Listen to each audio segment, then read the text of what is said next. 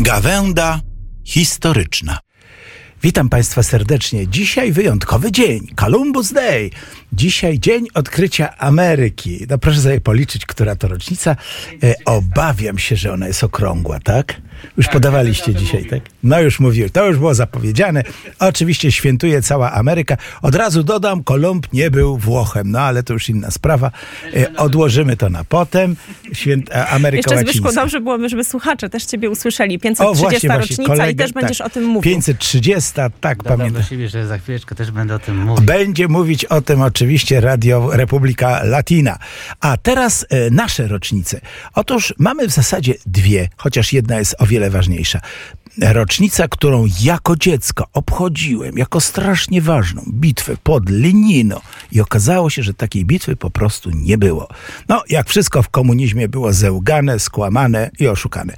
Była za to bitwa, nawet dwie, 12 i 13 em, października, czyli jutro też będzie rocznica, pod Połzuchami i Trygubową. To jest jakieś 20-30 kilometrów na północ od Lenina. Oczywiście podciągnięto ją ze, względu na nazwę Lenina, ale z Leninem nie ma nic wspólnego. Nad Lenino była bitwa powietrzna, w której brał udział słynny pułk Normandia-Niemen, czyli Francuzów w służbie sowieckiej.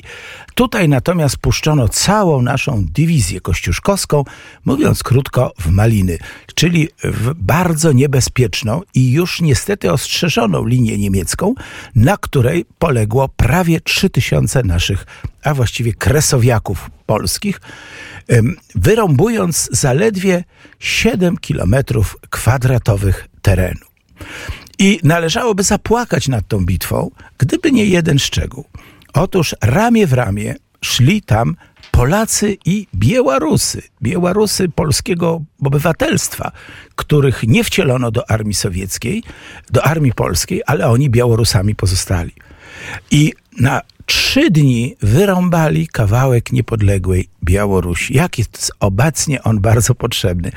To jest jakby mit założycielski, że była taka Białoruś właśnie pod Połzuchami, czyli odważnymi, i Trygubową, którą dziś przemianowano na Kościuszkową.